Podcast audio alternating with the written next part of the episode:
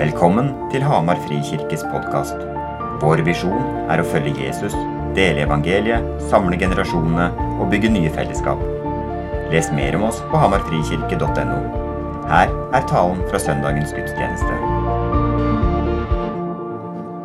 I eh, februar 2009 så hadde jeg den verste natta i hele mitt liv. Jeg var i Laos. Jeg hadde bodd i Laos i fem måneder. Liksom, vi kom eh, når regntida var på slutten i oktober, og var med når det var liksom åtte grader i desember i uisolerte hus. Så det var åtte grader ute og åtte grader inne. Og vi eh, kom inn i februar og starten av regntida. Um, uh, nei, det var, akkurat bikka mars.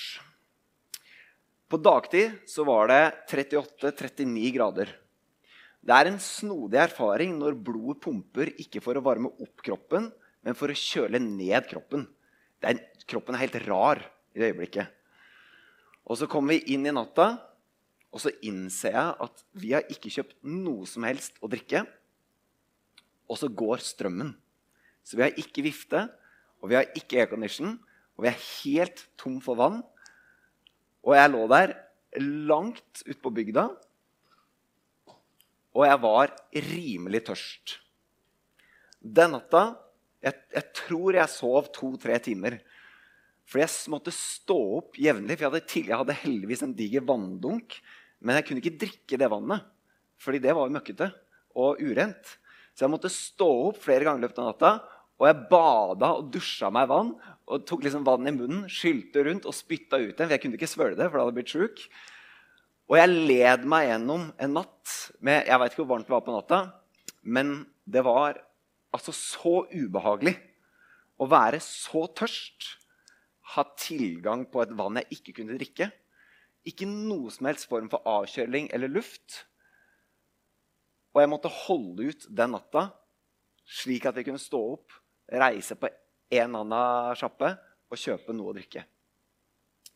Det var min erfaring.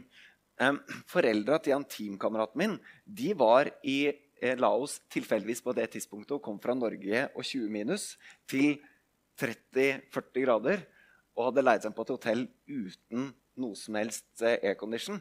Og de hadde heller ikke noe drikke. De, var, de flytta inn på et hotell med aircondition neste dag. for å si det sånn.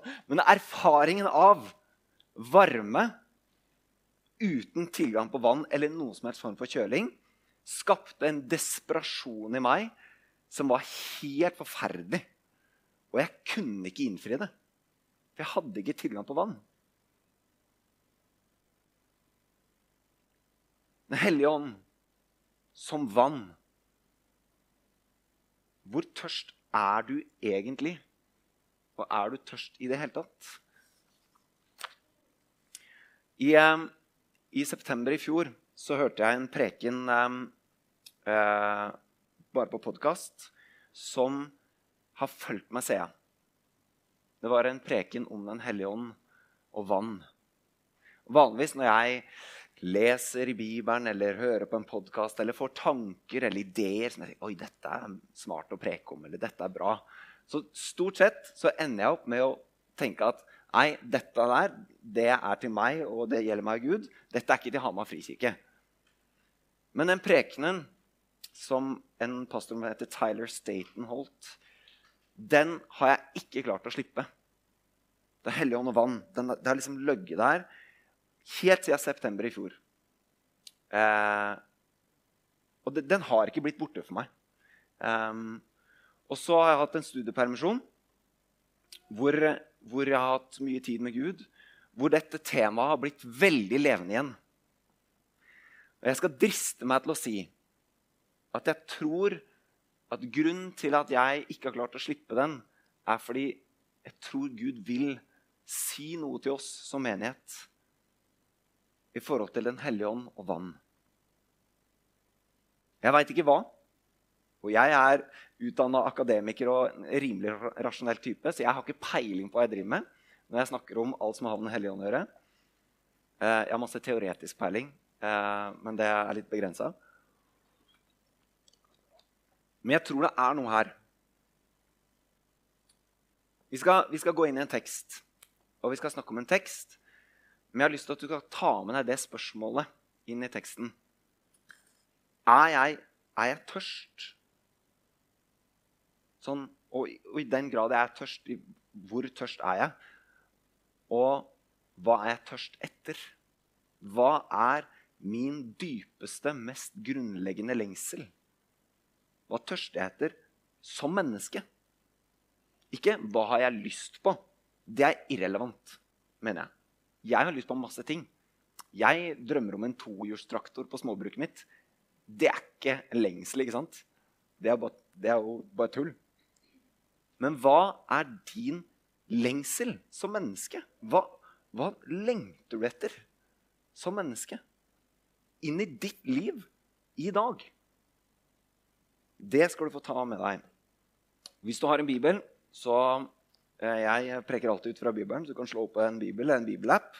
Og så kan du slå opp i Gamletestamentet. I Esekiel, profeten Esekiel 47, kapittel 47. Esekiel han kommer etter Jesaja og Jeremia eh, blant de store profetene. Så kan vi slå opp i kapittel 47. Og Konteksten denne teksten står i, er at profeten Esekiel han er profet for israelsfolket, som er bortført til Babylon og lever i eksil. Og Esekiel som profet han får et bilde og en visjon av hvordan Gud skal redde folket og lage et nytt tempel, for tempelet var revet. Og i sammenheng med det bildet, av at han har et bilde av det nye tempelet som Gud skal sørge for at blir bygd, så har profeten Esekiel denne visjonen. Vi begynner å lese i kapittel 47, vers 1. Han, altså en mann, førte meg, profeten Esekiel, tilbake til tempelinngangen. Og se, vann strømmet ut under terskelen på østsida av tempelet, for tempelfasaden vender mot øst. Vannet rant ned på høyre side av tempelet sør for alteret. Han førte meg ut gjennom nordporten, og der ute fulgte han meg rundt til den ytre porten som vender mot øst og se vannet sildret frem på høyre side. Bildet starter med en visjon av vann som sildrer. Og, du, og da kan du høre den der lille klukkinga fra bekken på fjellet oppe på Hedmarksvidda. Når du går, og så hører du den lille klukkinga. Eller idet vårisen bryter, og du hører den klukkinga. En svak sildring, klukking av vann som kommer ut fra tempelet. Ut fra der Gud er. Fra Gud selv så begynner det å sildre og renne vann. Og dette vannet begynner å renne mot øst. Og øst er viktig å forstå av mange grunner. fordi øst det var retningen man, man trodde at Gud skulle komme fra. Gud, Gud kommer fra øst med soloppgangen. Og ikke bare det, men øst er også relevant for å forstå den grunnleggende, eh, den grunnleggende virkeligheten til mennesket. Og for å forstå det så må vi gå til, eller til første kapitlene, første bøkene, starten av Gammeltestamentet. Når du leser i skapelsesberetningen, så kan du lese om at Gud skapte mennesket, skapte hele skapverket. Og mot slutten av skapelsen så står det at Gud så på alt han har gjort, og se, det var svært godt. Skaperverket var godt. Men så kommer en slange som frister mennesket med løgn. Som ligger veldig tett opp til sannheten. Det er veldig snodig. Man frister med løgn. Har Gud virkelig sagt?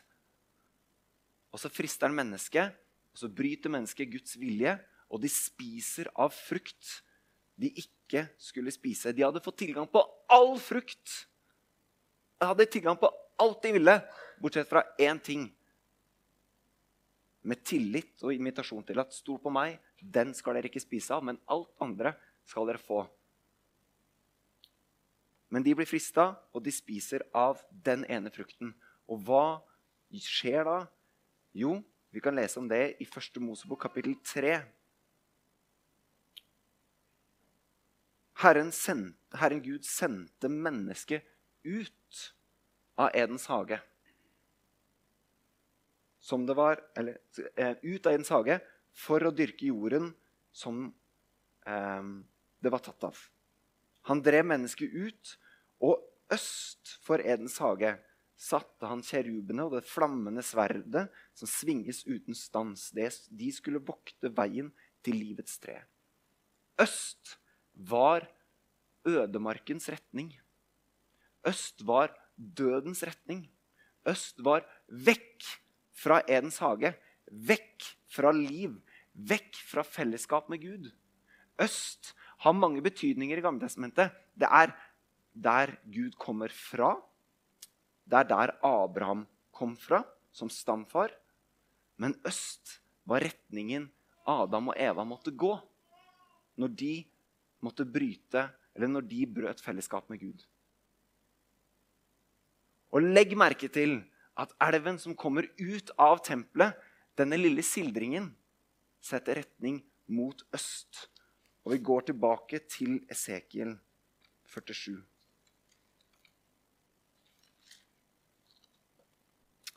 Mannen gikk østover med en målesnor i hånden. Han målte opp 1000 alen. Så lot han meg gå gjennom vannet, og det nådde meg til anklene. Så fra en sildring til ankeldypt vann. Han malte opp tusen alen til og lot meg gå gjennom vannet, og det nådde meg til knærne. Fra sildring til ankeldypt til knedypt. Så målte han opp ytterligere tusen alen og lot meg gå gjennom vannet. Det nådde meg til hoftene. Igjen målte han opp tusen alen.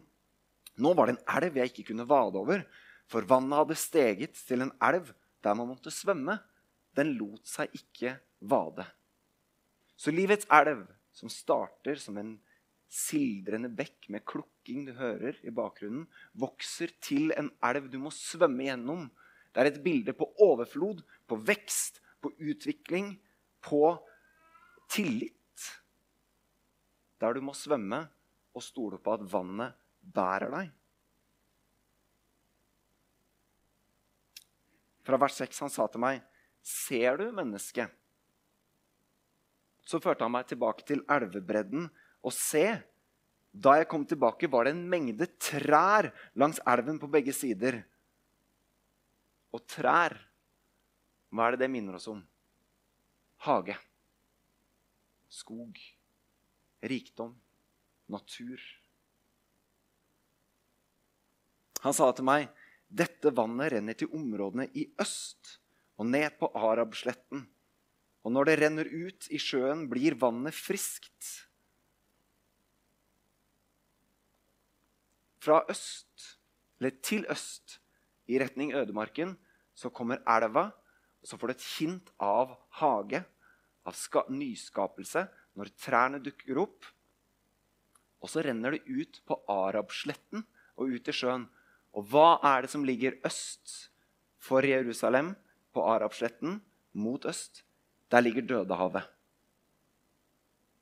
Så denne sjøen som elven renner ut mot, er dødens sjø.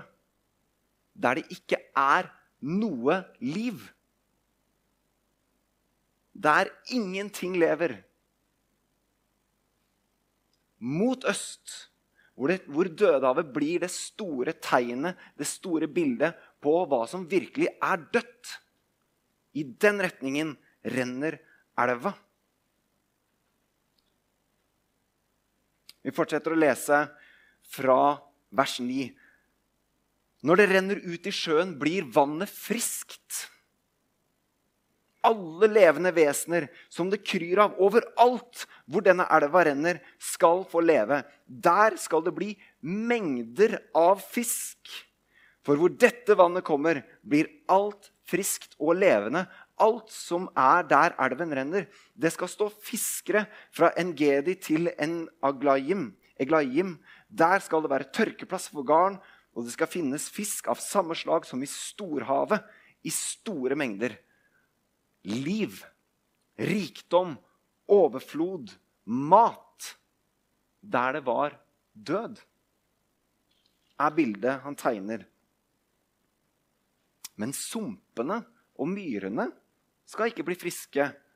Av dem skal du utvinne salt. Det er som om det settes opp en grense, fordi sumpene og myrene er det som er i forlengelsen av sjøen. Men vannet skal ikke gå dit. Det er som om det settes en grense, slik at vannet tar ikke kontroll over alt. Det settes en eller annen form for grense. Vi leser videre på, fra vers 12. På hver side av elva skal det vokse alle slags trær til å spise av. Løvet på dem skal ikke visne, og frukten skal ikke ta slutt. Hver måned skal de bære ny frukt, for vannet de får, kommer fra helligdommen. Frukten skal tjene til føde, og bladene skal bringe helse. I retning øst, i retning ødemark, død retningen som symboliserer bruddet på fellesskap med Gud, dit renner elven. Og langs elven så oppstår liv, frukt. Og alt som vannet kommer i berøring med, omdannes fra død til liv. Og langs elva så kommer det frukt som aldri Eller som, som eh, skaper helse, og blader og trær som aldri visner. Og hva er det som tegnes? Jo, det tegnes et bilde av en ny Edens hage, der elva kommer. Det som Der fellesskapet var med, mellom Gud og menneske, hvor du kan lese om at Gud kom gående i den svale kveldsbrisen. Liksom bare Se for deg at Gud vandrer i sitt skaperverk i den svale kveldsbrisen. Mal det bildet for deg. For det er jo, solnedgangen på Hedmarken jeg ser for meg. Når jeg går langs åkerkanten, og du ser det gule lyset som lyser opp alle insektene over åkeren. Det gule lyset som er så markant på Hedmarken, over åkrene. I den svale kveldsprisen gikk Gud. Det er jo et nydelig bilde på hvor tett fellesskap og tett relasjon mellom skaper og skaperverk. Det var livet i hagen som mennesket brøt og ble sendt ut mot øst i dødens retning. Det er jo dette som tegnes til nytt liv. I elver, i en elv som vokser og vokser og vokser og vokser. Som har sin grense, men som skaper liv, frukt, der det før var død. Skaperverkets liv er det som gjenoppstår i livets elv overflod, mat, helbredelse av det som er sykt, liv av det som var dødt. Og denne livets elv kommer fra Gud selv. Livets elv gjenskaper Edens hage. Vi spoler fram noen hundre år. Det er høytid i Jerusalem. Jødene feirer løvhyttefesten, en, en, høytid som minner dem om hyttene de bodde i når de vandra gjennom eh, ørkenen ut av Egypt. Men denne høytiden er ikke bare et minne om vandringen gjennom ørkenen. Men det er en svær forbønnshandling og svær vannfestival. De ba om vann for, gode, for en god eh, sommersesong, dyrkesesong, så de kunne høste det de skulle ha. Men det var én spesiell handling som man gjorde i Israel, i tempelet, hver dag gjennom høytiden, eh, løvehyttefesten.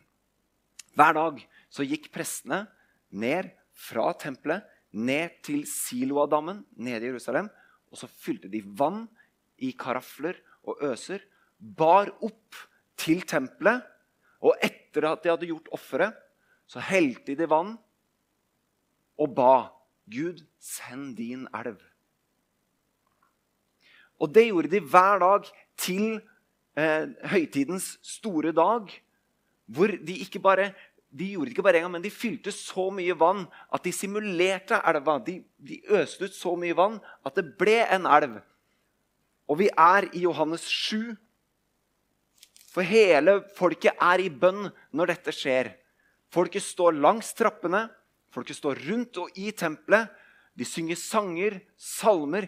De ber Gud, send din elv igjen. Vent mot øst, der Gud kommer fra, Vent mot øst, der ødemarkens retning er. I hele den settingen der så ber folket. Og på høytidens store dag, på den siste dagen i høytiden, på den store festdagen, så står Jesus fram og roper, 'Den som tørster, skal komme til meg og drikke.' 'Den som tror på meg, fra hans indre skal det strømme, som Skriften sier, elver av levende vann.' Og dette sa han om ånden som de som trodde på han, skulle få. Se for deg det paradokset. Hele folket er i en forbønnssetting. Gud, send din elv. Og så reiser Jesus seg og roper, 'Kom til meg'. Han sier, 'Jeg er svaret på det hele folket ber om'. Det er det som skjer. Kom til meg. Han svarer på lengselen til hele folket. Gud, send din elv. Gjenopprett din hage. Gjenopprett fellesskapet mellom Gud og mennesker. La himmel og jord møtes. Og midt i det så reiser Jesus seg og roper, 'Kom til meg'. Og løftet var Den hellige ånd. En kilde til liv. En elv som gjenoppretter hagen i oss. En elv som kommer med helbredelse, overflod, liv der det var død, helbredelse der det var sykdom, mat der det var sult. Hva er din lengsel? Hva er det som er dødt i deg? Hva er det som er sykt i deg? Vi har det alle. Vi har sunget veldig ærlige sanger i dag.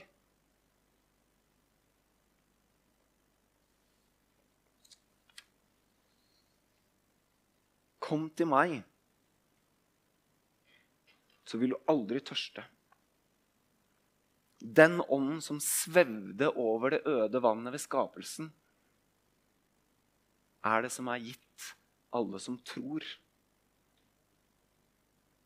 Den ånden, den livets elv, som kommer fra Gud selv, er gitt til alle som tror. En kilde til liv, til overflod, til helbredelse, til mat. Til alle som tror. Og så er spørsmålet Tror du det? Lengter du etter det? Det er fint å teoretisk ha dette i hodet. Men jeg kjenner hva med ja, men jeg, det, er, det, er, dødt inni meg. Det er tørt inni meg.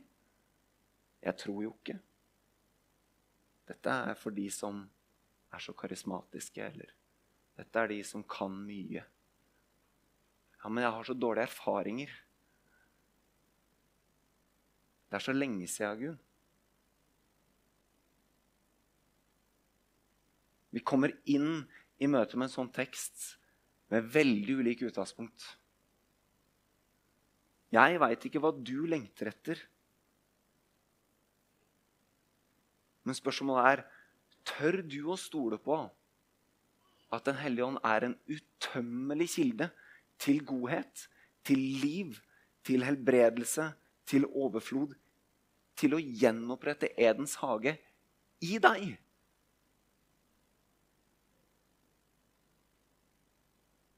Vil du ha det?